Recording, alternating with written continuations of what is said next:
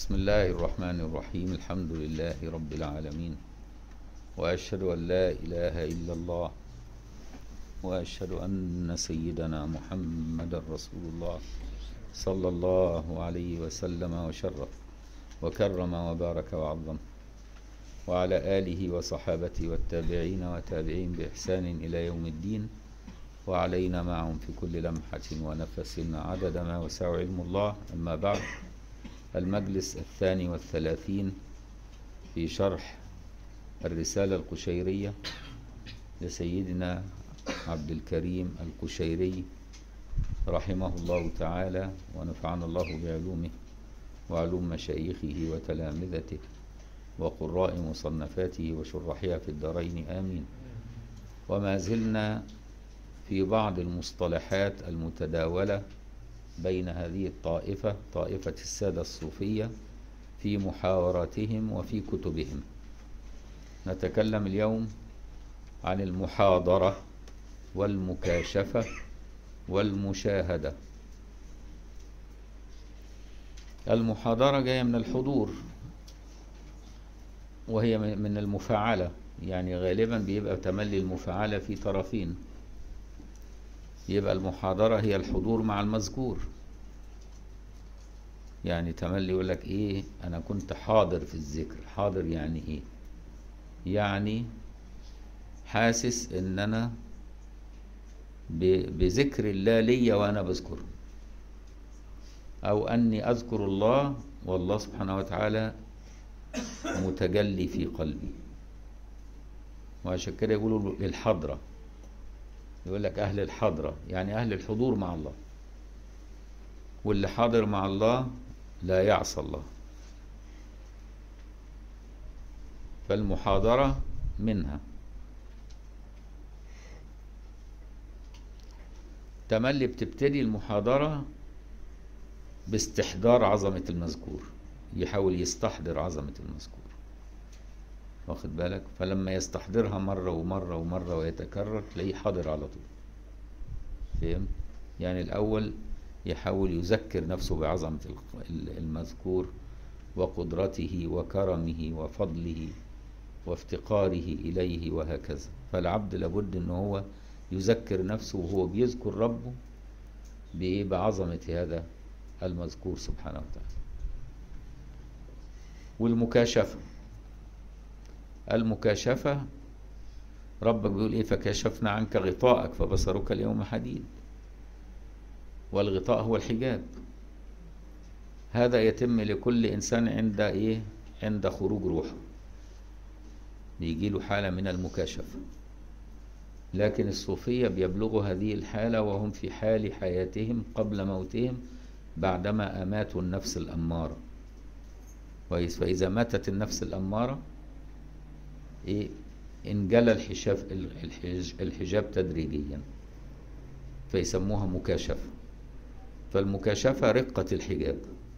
يعني كأنه شايف حاجة من وراء حجاب لأنه لسه ليه نفس لسه ليه قلب. فإذا مات القلب بالكلية لأنها فاني القلب فاني والنفس فانية يبقى الروح الباقيه الروح منذ أن خلقها الله تجلى عليها بصفة البقاء. فإذا ماتت القلب والنفس النفس تموت بالإيه؟ بالمخالفة والرياضة تروضها والقلب يموت بإيه؟ بالمراقبة دوام المراقبة يوم إيه؟ القلب ليه غفلات لأنه متقلب فما تدوم المراقبة ما بقاش قلب بقى حاضر على طول. يبقى القلب اختفى مفيش تقلب. بقى مطمئن بقى سليم. فتبقى الروح الباقية هي التي تشاهد. فالباقي لا يرى إلا بالباقي. فهمت؟ والمشاهدة المقصود بها إما مشاهدة أثر الصفات في التجليات وأثر الأفعال في التجليات. فيرى الخالق في الخلق. فأينما تولوا فثم وجه الله. أو أنها مشاهدة للذات جمالا وجلالا فتكشف له عن أسرار الألوهية بحيث أنها تضيق العبارة عن الوصف. ويصبح بعد المشاهدة إدراكه للألوهية والربوبية إدراك ضروري كإدراكك للجوع والعطش بحيث لا تشك أنك جعان وأنت جعان ولا تشك أنك عطشان وأنت عطشان.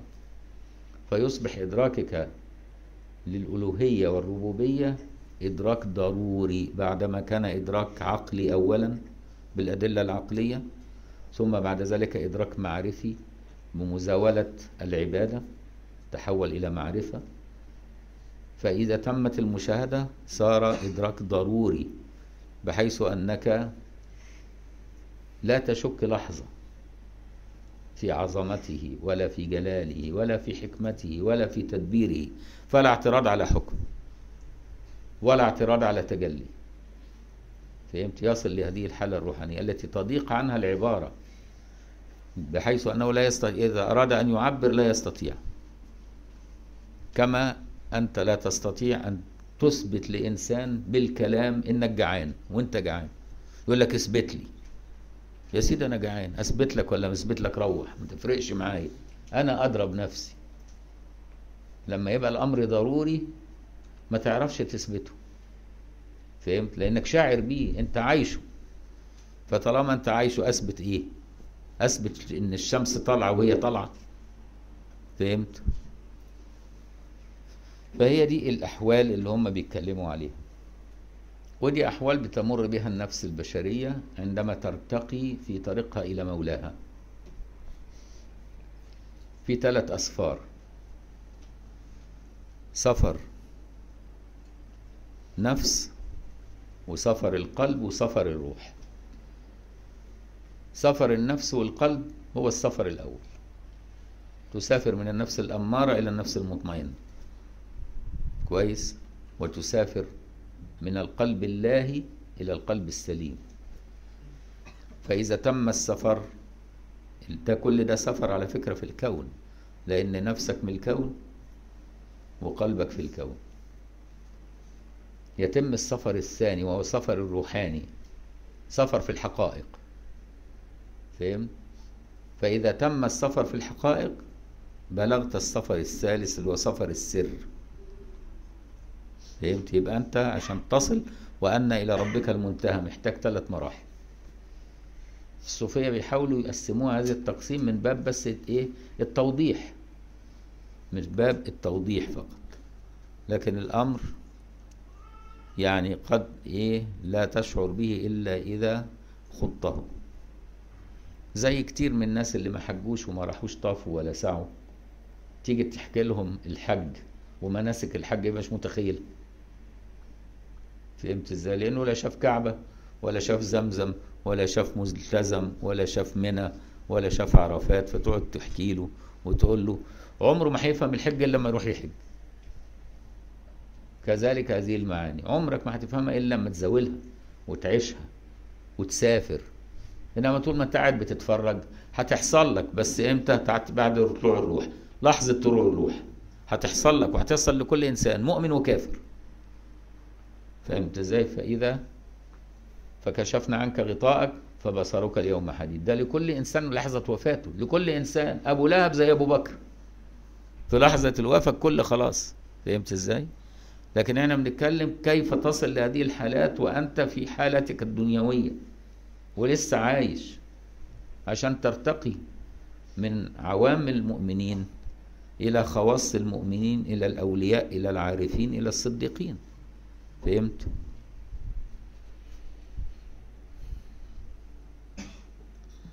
يقول لك هنا إيه بقى؟ المحاضرة ابتداء يعني بتبتدي الأول محاضرة ثم مكاشفة ثم مشاهدة بالترتيب كده. الأول تبقى حاضر في الذكر يعني انتهت الغفلة. فهمت إزاي؟ الغفلات راحت خلاص فبقيت حاضر في الذكر. لا تشويش. انتهينا من التشويش. دي البداية. لما تستمر في هذه الحالة يرق الحجاب. فإذا رق الحجاب كوشفت من ورائه يعني كأنك شفت حاجة من وراء ستار رقيق. فإذا زال الستار الرقيق تمت المشاهدة. فهمت؟ المحا... فالمحاضرة حضور القلب. وقد يكون بتواتر البرهان وهو بعد وراء الستر. يعني يأتي البراهين والأدلة على القلب على عظمة الخالق وعلى قدرة الخالق وعلى قهر الخالق وعلى حكمة الخالق وعلى تدبير الخالق وعلى جمال الخالق فتشتاق للخالق. فهمت؟ بتواتر البراهين على القلب. وهو بعد وراء الستر. ستر إيه؟ ستر الأدلة والبراهين ستر الحجاب حجاب الدليل. فهمت؟ وإن كان حاضرا باستيلاء سلطان الذكر. يعني يستولى عليه سلطان الذكر فلا يبقى إلا المذكور. ثم بعده المكاشفة وهو حضوره بنعت البيان. بنعت البيان يعني بنعت النعت اللي هو الصفة. فيرى الصفات في التجليات.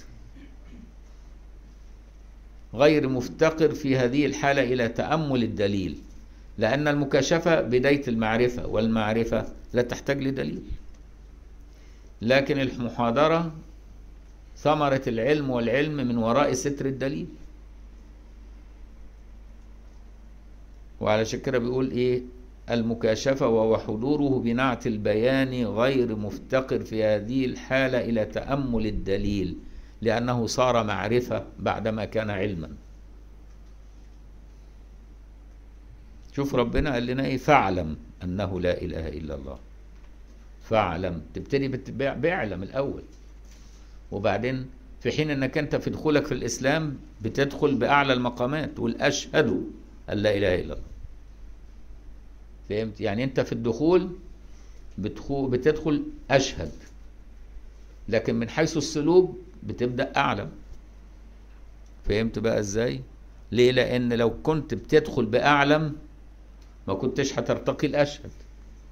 لكن لما تبتدي أشهد باللسان ثم تبدأ أعلم بالعقل ثم بعد ذلك ذكر بالقلب ترتقي فتصل وتصدق حقيقة إلى إيه؟ إلى إنك أنت فعلا أشهد أن لا إله إلا الله.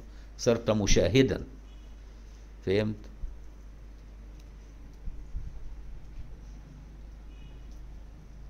فيبقى إيه؟ المكاشفة خلاص مش محتاج بقى إيه؟ لتأمل الدليل. وتطلب السبيل ولا كمان محتاج إنك أنت تبحث عن الطريق الموصل ولا مستجير من دواعي الريب ولا كمان مستعيذ مستجير يعني مستعيذ. من أسباب الشكوك. شوف أنت ادخل كده على القنوات الإلحادية ولا أنصح أن تدخل تجد الناس الملحدين دول في مخهم مئات الشبهات. حالت بينهم وبين الوصول للحق. آه فده بيعوم في بحور الشك والريب. المشاهد بقى حاجة تانية. ده خلاص ده حتى بعيد عن المسألة دي. ولا محجوب عن نعت الغيب. يعني ليس محجوبا بالدليل. ليه؟ لأنها صار علمه معرفة. ارتقى علمه إلى المعرفة. وعشان كده قال لك ولا محجوب عن نعت الغيب عن وصف الغيب. صار عنده المعرفة كالعلم الضروري. إيه تعريف المعرفة؟ هو العلم الضروري. إيه هو العلم الضروري؟ النار بتحرق. والمية بتروي. العطشان. والسكينة بتذبح. ما نختلفش عليها اتنين دول. دي أمور علوم ضرورية. مش عايزة دليل. والشمس مشرقة. دي حاجات علوم ضرورية مش محتاجة. فهمت بقى إزاي؟ فأدي الفرق بين العلم والمعرفة. العلم يقول لك اثبت لي. تقوم تجيب له إثباتات. لكن المعرفة مجرد تقولها خلاص. هي صارت هي عينها الدليل والمدلول. صارت هي الدليل والمدلول. فهمت بقى؟ ادي الفرق بين العلم والمعرفة. العلم تقعد تبرهن لكن المعرفة مجرد ذكرها خلاص. أصبح ذكرها هو عينها. فهمت بقى؟ وزي ما قلت لك لو أنت عايز تدرك هذا المعنى اعرف العلم الضروري والعلم المكتسب. واخد بالك؟ ما أنواع العلوم كتيرة. في علم ضروري وعلم مكتسب وعلم بالسماع. ما دي وسائل الإدراكات. إما حاجة سمعت عنها من صادق فعلمت أنها موجودة وإن لم تراها يبقى إما بالسماع عشان كده نقول في جزء كبير من العقائد السمعيات. كويس؟ سمعناها من الصادق الأمين فخلاص نصدق بيها مع إننا ما شفناهاش. يبقى في سمعيات وفي مكتسبات. كل ما بتعيش وتجرب بتكتسب علوم جديدة فده مكتسب. زي العلم التجريبي والعلوم الحياتية اللي إحنا عايشينها وكل شوية بننمي حياتنا ونطورها بالعلم المكتسب. إيه؟ اللي هو إيه؟ الخبرات المتراكمة جيل عن جيل فده علم مكتسب. وفي علم ضروري ده بيبقى إيه؟ بيتكون مع الإنسان من صغره. الطفل وهو صغير مع حياته يعرف إنه لو نط من مكان عالي هيقع. يقوم ما ينطش. يعرف إنه لو رمى نفسه في البحر هيغرق. يقوم ما يغرقش نفسه. يعرف إن النار بتحرق. يقوم ما يمدش إيده عليها خلاص بقى علم ضروري. يعرف إنه تعبان يقوم يخش ينام. يعرف إن هو عايز يتبول يقوم يخش يتبول. يعرف إن هو جعان يقوم يطلب الماء الطعام وهكذا. دي اسمها العلوم الضرورية بقى اللي هي إيه؟ اللي هي كل إنسان بيبقى فيها مش محتاج تعليم ولا تجريب. ده هي بتبقى فطرية فيه علشان حياته تستمر. إذا تحولت العلوم السمعية من كثرة ممارسة ما يقتضيها إلى معارف ارتقت إلى الضروريات بحيث أنه يستحيل أن تشك لحظة.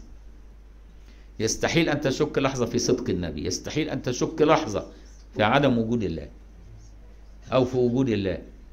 يعني دي حاجات غير قابلة للمناقشة عندك فهمت؟ ثم المشاهدة. المشاهدة بقى دي إيه؟ دي دي مع الحقائق. يبقى العلم مع الدليل والحال مع المعرفة وإيه؟ والمشاهدة مع الحقائق. بقيت مع الحقيقة. وهي حضور الحق من غير بقاء تهمة. التهمة اللي هي إيه؟ الفرق عالم الفرق الخلق الكون. يعني في ناس محبوبة بالكون بالخلق. فقاعد طول النهار يتفاعل مع الكون والكون يتفاعل معه وخلاص. لما ترى أن الكون من ورائه مكون وأنه وأن المكون قا وأن المكون هو الذي يقوم بهذا الكون صرت تتعامل مع المكون من خلال الكون. فهمت بقى إزاي؟ فما يبقاش في بقى تهمة الغفلة. فإذا أصحت سماء السر عن غيوم الستر اللي هو الحجب فشمس الشهود مشرقة عن برج الشرف. دليل بقى إيه؟ إنك أنت تشرفت بالحقائق بعد كنت في الأوهام والعلوم. وحق المشاهدة ما قاله الجنيد رحمه الله وجود الحق مع فقدانك يعني أنت مش هتشاهد الحقائق الإلهية والربوبية بعين روحك إلا إذا تم فناء الفاني فهمت بقى؟ وإيه هو الفاني؟ عين البصر وعين البصيرة واخد بالك؟ عين البصيرة في القلب وعين البصر في الجسد. واجتماع الجسد مع القلب تتولد النفس. واللي بتشرف على ذلك كله الروح. فهمت بقى إزاي؟ فإذا فنى الفاني لا تبقى إلا الروح. ففي الحالة دي تتم مشاهدة الباقي بالباقي الحق بالحق. فهمت؟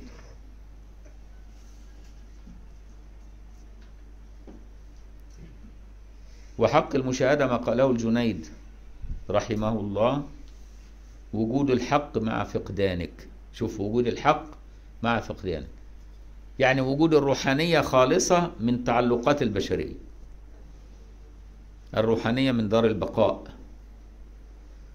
عشان كده شوف الحديث القدسي يقول فبي يسمع فبي يبصر. ما قالش فيبصر ببصره. لا ده بيقول فبي يسمع. وبي يبصر. أو كنت سمعه كنت بصره. فهمت بقى إزاي؟ عشان كده بيقول وجود الحق مع فقدانك. يعني سرت به لا بنفسك. فصاحب المحاضرة مربوط بآياته. صاحب المحاضرة مربوط بآياته يعني إيه؟ بعلامات معرفته سواء آيات قرآنية أو آيات كونية أو أدلة عقلية. فمربوط صاحب المحاضرة بهذا كله. وصاحب المكاشفة مبسوط بصفاته يعني يأنس البسط بمعنى الأنس بصفات الله الفاعلة في الأكوان. صفة الرحمة صفة الغلبة صفة القهر صفة التدبير صفة العدل صفة الإحكام. واخد بالك؟ فهو مبسوط على كل حال. ليه بقى مبسوط؟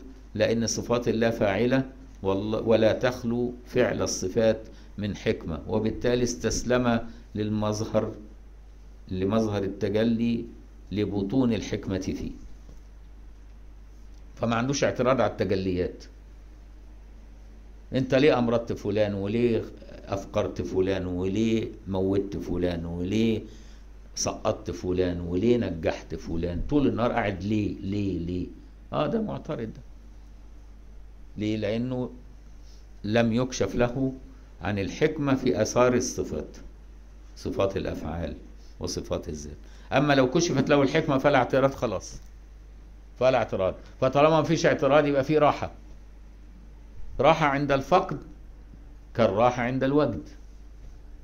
راحة عند المرض كالراحة عند العافية. فهمت بقى إزاي؟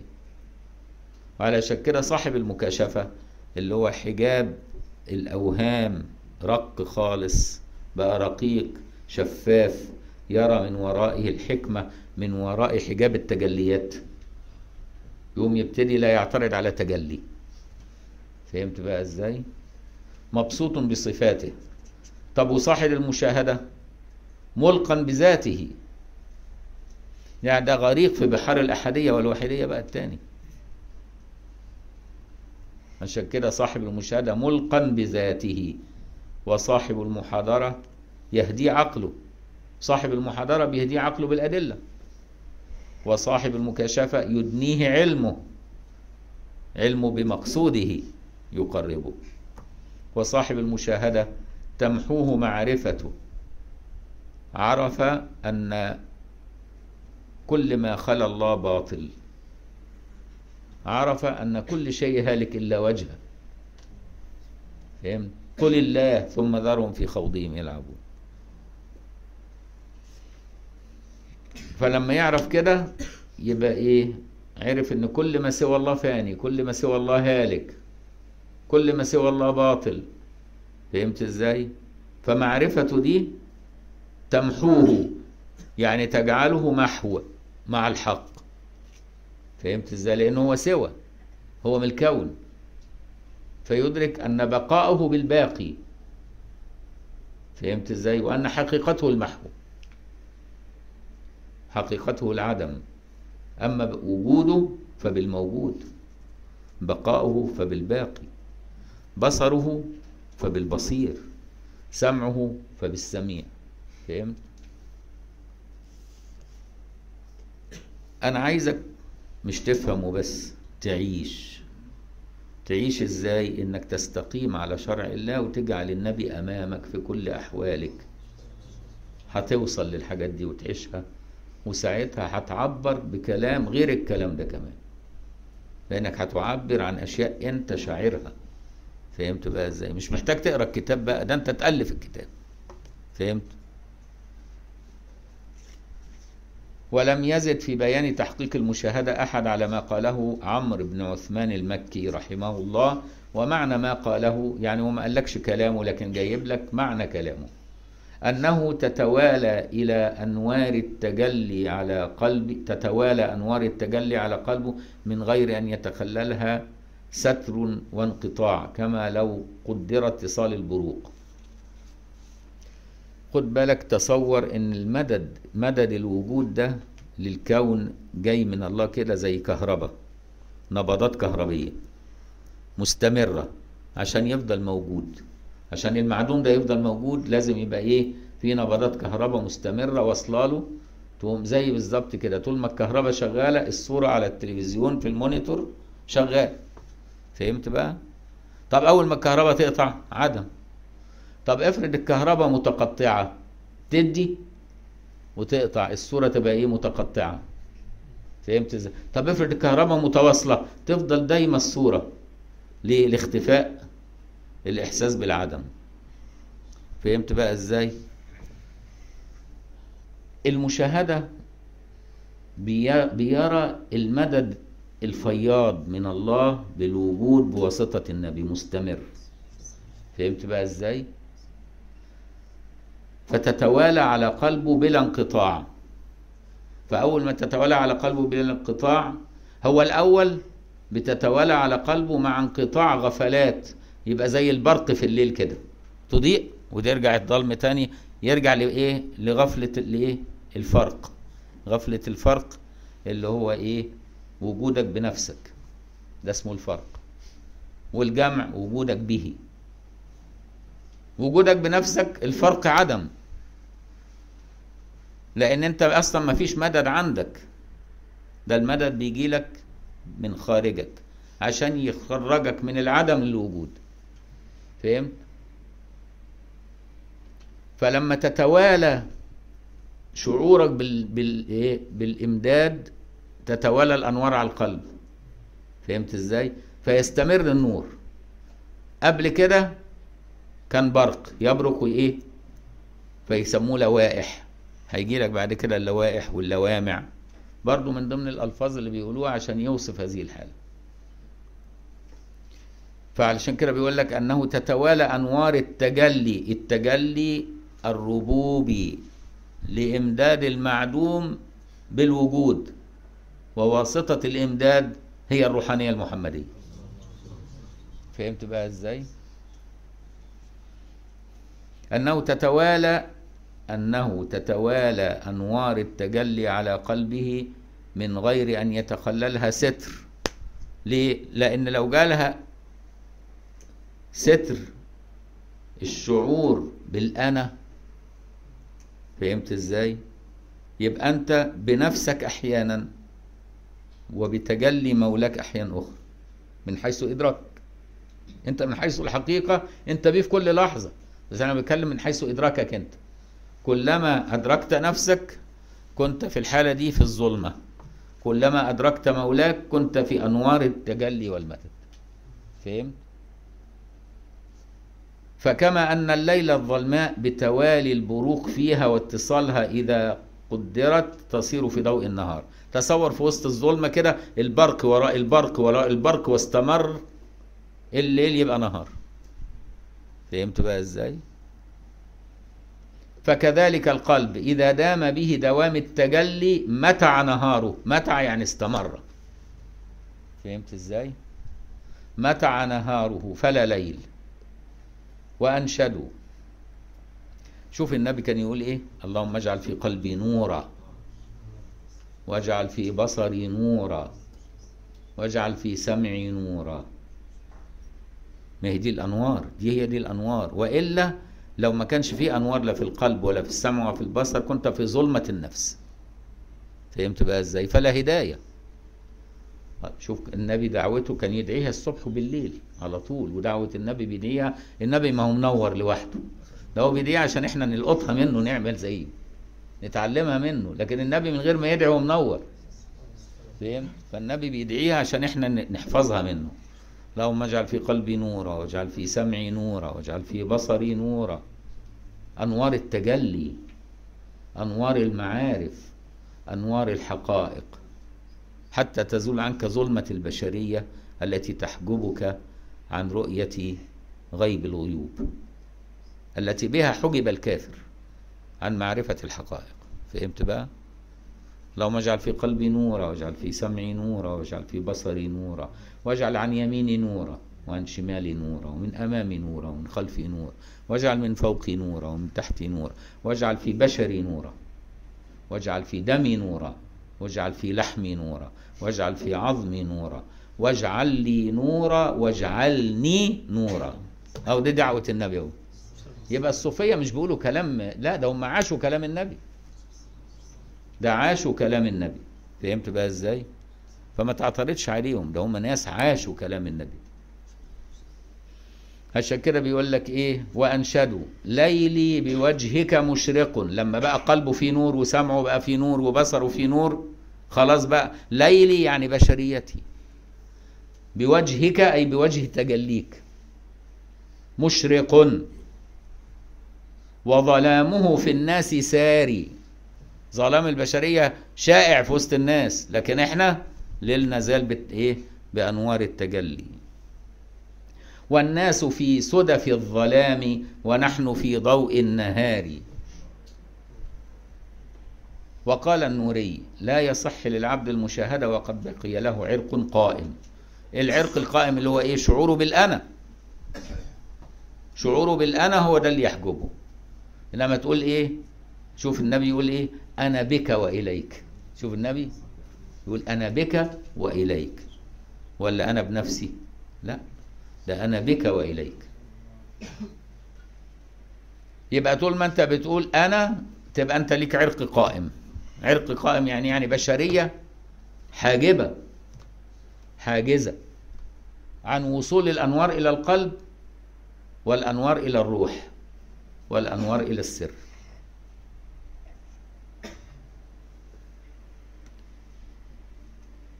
وقال إذا طلع الصباح استغني عن المصباح. المصباح اللي هو إيه؟ اللي أنت بتنور بيه نور العقل الأول. في وسط ظلمة البشرية والخلق العقل مش يقول لك العلم نور والعلم محله العقل. فهذا المصباح طول ما أنت في الظلام أديك ماشي. بينور لك من خلال الأدلة العقلية صحة الطريق اللي أنت ماشي فيه. فهمت بقى إزاي؟ لكن أول ما تطلع الشمس خلاص في قلبك مصباح إيه يا عم؟ مش عايزين. مش عايزين لا أدلة ولا عايزين إيه؟ حاجة. ليه؟ لأن بقينا عايشين خلاص. وتوهم قوم أن المشاهدة تشير إلى طرف من التفرقة لأن باب المفاعله في العربية بين اثنين. وهذا هو اصل تملي المشاهدة. هم كانوا عايزين يقول لك إيه؟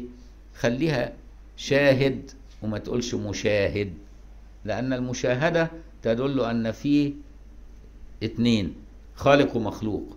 في حين لا تتم المشاهدة طول ما في خلق لا تتم المشاهدة إلا الحق بالحق الباقي بالباقي. فقال إن المشاهدة دي توحي بالمفاعلة اللي هي طرفين يعني وإحنا عايزين نخليها طرف واحد اللي هي وحدة الوجود ووحدة الشهود طرف واحد.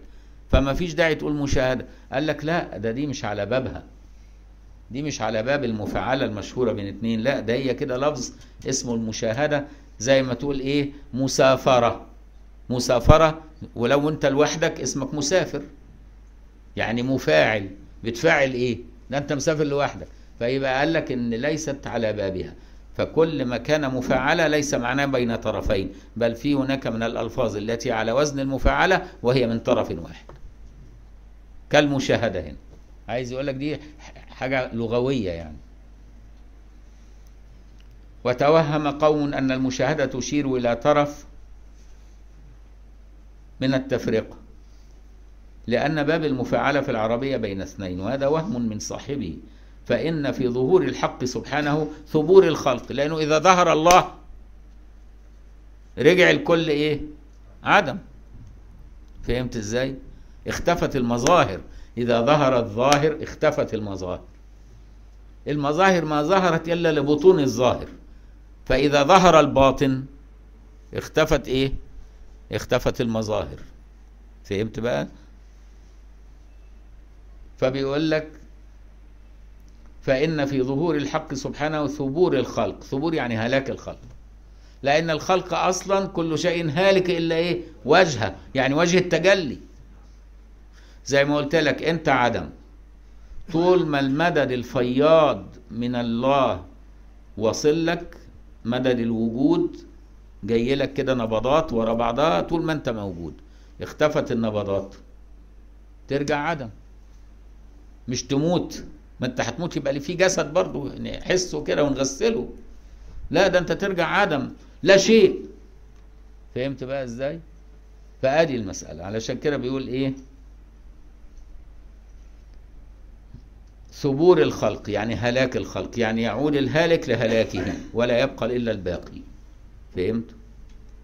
وباب المفاعلة جملتها لا تقتضي مشاركة الاثنين نحو سافر وتارق النعل وأمثال وأنشدوا.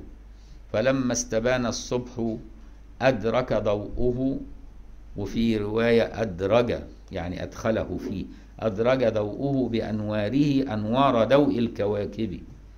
فلما استبان الصبح لما يجي الصبح تلاقي أنوار الكواكب تدخل في نور الصبح فتختفي الكواكب. لأن ده دخل في ده فهمت بقى إزاي؟ كذلك إذا ظهرت أنوار التجلي في قلب العارف إيه؟ خمدت فيه حجاب البشرية. فلا يبقى إلا الموجود بحق. فلما استبان الصبح أدرك ضوءه وفي رواية أدرج ضوءه بأنواره أنوار ضوء الكواكب. يجرعهم كأسا لو ابتلي به اللظى بتجريعه طارت كأسرع ذاهب. يجرعهم كأسا يعني يشربهم شرابا من المعارف. لو هذا الشراب وقع على النار لخمدت في الحال فهمت يجرعهم كأسا لو ابتلي به اللظى اللي هو النار يعني بتجريعه طارت كأسرع ذاهب واللظى هي هي نار الحجاب نار حجاب البشرية.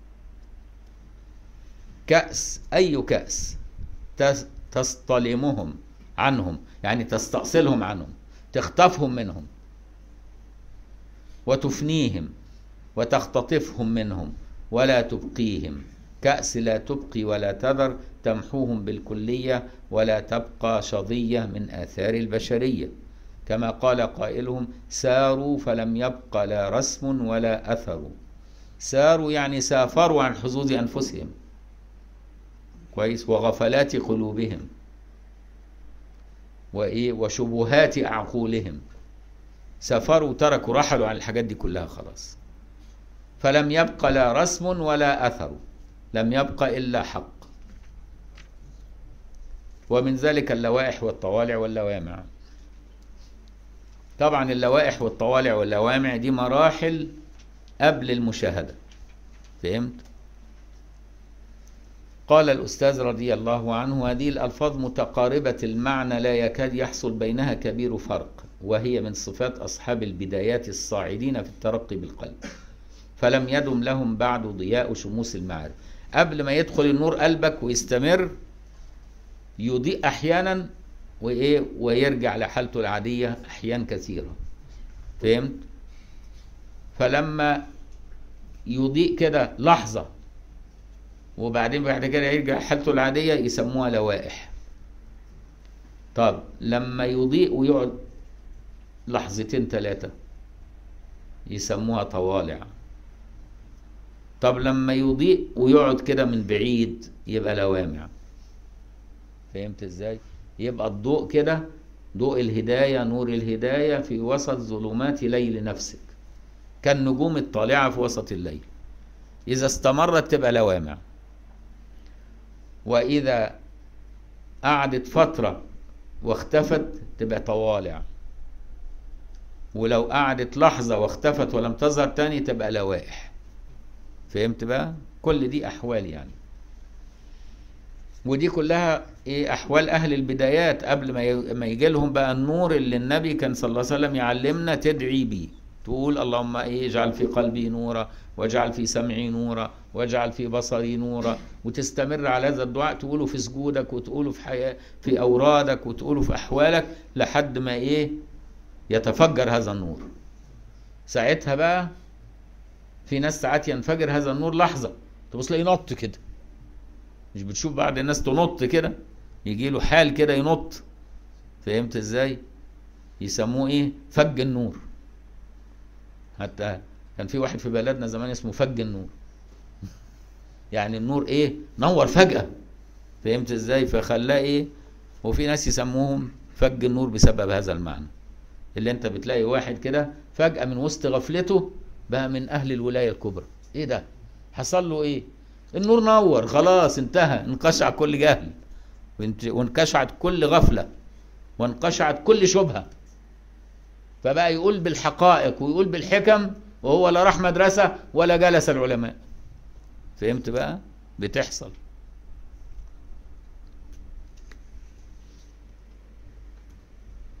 وعلشان كده بيقول وهي من صفات أصحاب البدايات الصاعدين في الترقي بالقلب فلم يدم لهم بعد ضياء شموس المعارف.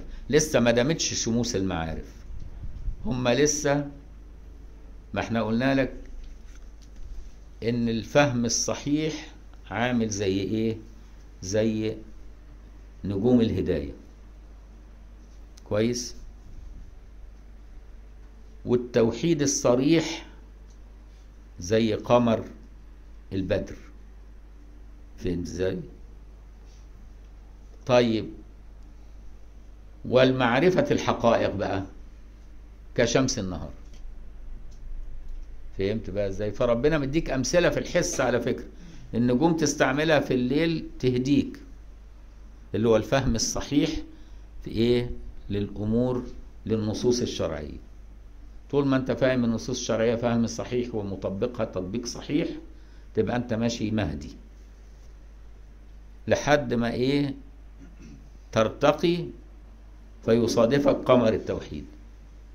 فتعرف ان مهما تعددت الأفعال والتكاليف فالذي عددها واحد. فالمقصود واحد. ده يسموه قمر التوحيد. بعد كده تشرق شمس المعارف في القلب فيزول عنك بقى كل غفلة وكل ريبة وكل إيه وينطق لسانك بحكمة لم تتعلمها من أحد بل تعلمتها بالروح الدراكة اللي ربنا خلقها فيك سر وجودك فهمت؟ لأن الروح عالمة دراكة. دراكة يعني يعني مدركة بالحقائق كلها. طب والوقت مش عارفة ليه؟ أيوة لأنها مشغولة بإدارة الجسد وإدارة القلب وإدارة العقل مشغولة بحاجات كتير. فهمت إزاي؟ أول ما تفضى وتطلع من الجسد تبص تلاقي الكل يبقى مؤمن الكل يبقى إيه؟ مدرك. عشان كده بعد طلوع الروح كل أهل الموقف مؤمنين الكفار والمؤمنين كلهم مؤمنين. فهمت إزاي؟ خلاص مفيش مناقشات. الكل عرف إن الأنبياء حق وأن الله حق وأن الجنة حق والنار حق كله عرف. عرف ليه؟ بالموت. فهمت؟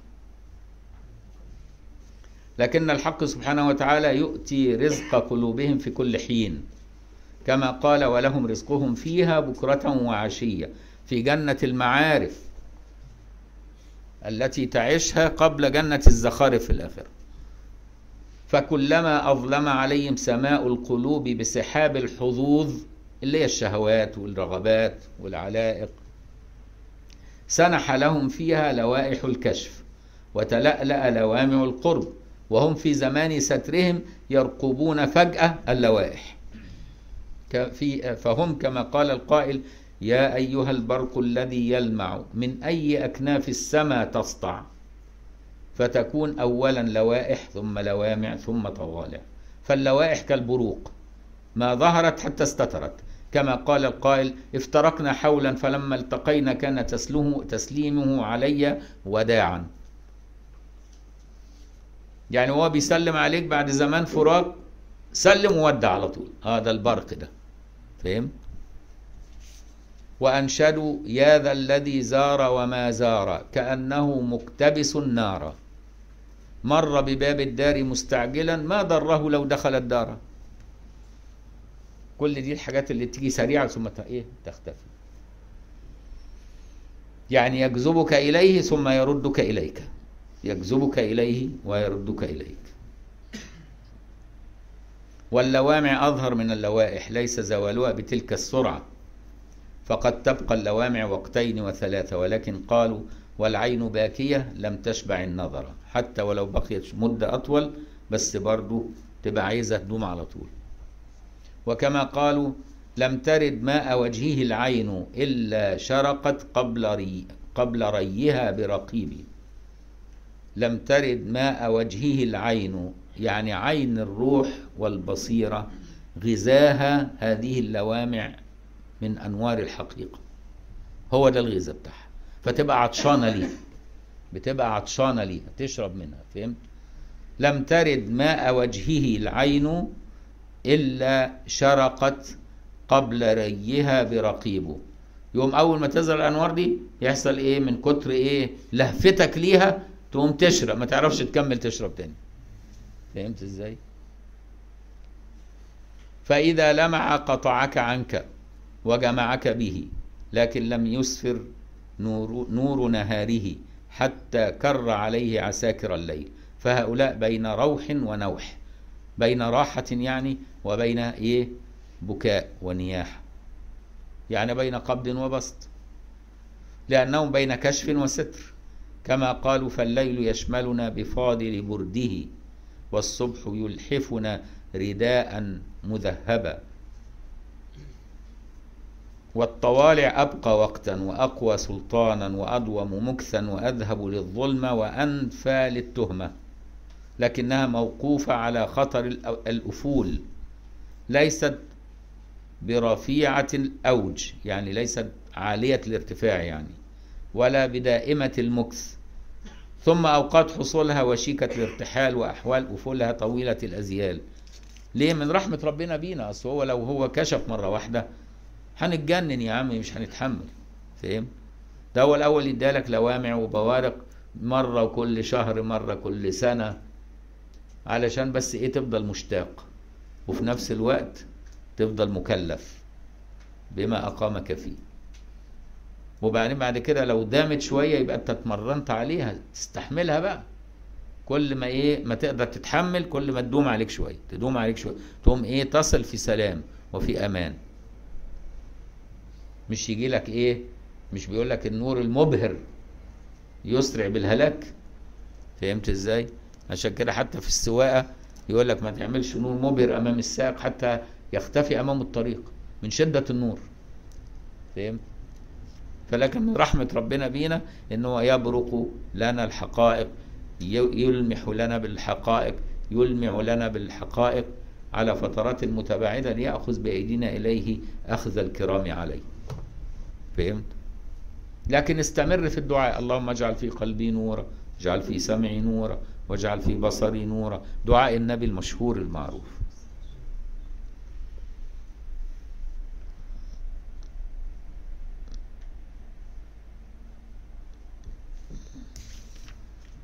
وهذه المعاني التي هي اللوائح واللوامع والطوالع تختلف في القضايا يعني في أحكامها يعني. فمنها ما إذا غاب لم يبقى عنها أثر. ما إذا فات. في في كتب مكتوبة مات صححها فات. فإن ومنها ما يبقى فمنها ما إذا فات لم يبقى عنها أثر. يعني يجي نور ويختفي وما يسيبش أثر. كويس؟ كالشوارق إذا أفلت فكأن الليل كان دائما ومنها يقعد مدة شوية يقوم يسيب أثر ومنها ما يبقى عنه أثر فإن زال رقمه بقي ألمه إن زال أثره رقمه يعني أثره بقي ألمه. وإن غربت أنواره بقيت آثاره. أنواره حقائق وآثاره معارف فصاحبه بعد سكون غليانه يعيش في ضياء بركاته. فإلى أن يلوح ثانيا يرجى وقته على انتظار عوده يعني من الرجاء يرجى. وفي رواية تانية يزجي وقته على انتظار عوده يعني يدافع وقته ويقضي وقته على أثر انتظار عوده ويعيش بما وجد في كونه. والله تعالى أعلى وأعلم. اللهم علمنا ما ينفعنا وانفعنا بما علمتنا وزدنا علما.